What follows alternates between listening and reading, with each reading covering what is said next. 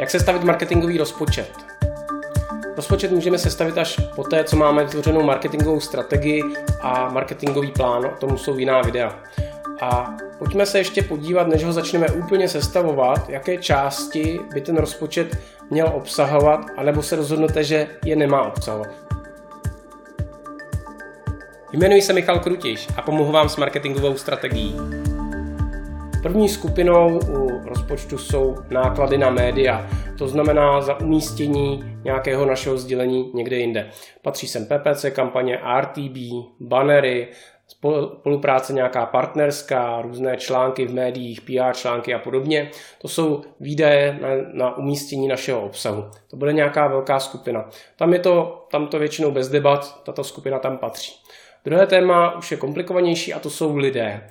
Jaké náklady na lidi budete chtít do marketingového rozpočtu dávat? Obvykle se tam dávají všichni externí spolupracovníci, ať už jednorázové spolupráce, audity a podobně, anebo dlouhodobé spolupráce od agentur, freelancerů, freelance eh, lidí, kteří vám pomáhají dělat ten váš online marketing.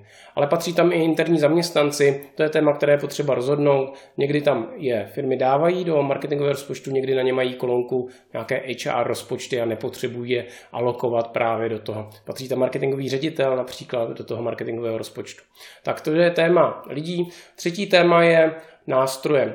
Pro marketing se využívá čím dál více a více placených nástrojů od různých měření pozic, pokročilejší analytiky, e-commerce analytiky, zákaznické analytiky, těch nástrojů je spousta. UX, měření, kam lidé klikají, různé testy, které sledují, jaká je výkonnost toho webu při verzi A nebo B.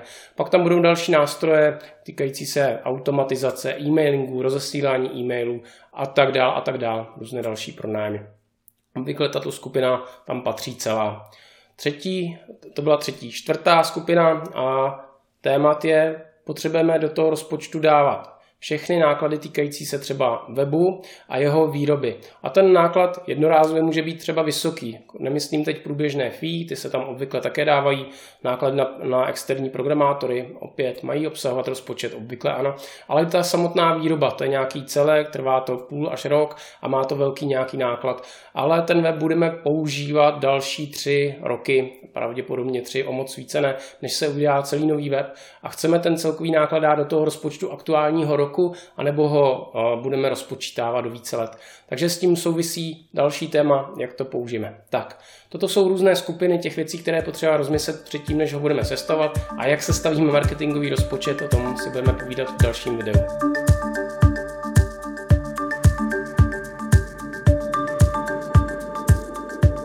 Podívejte se na moje další videa o marketingové strategii.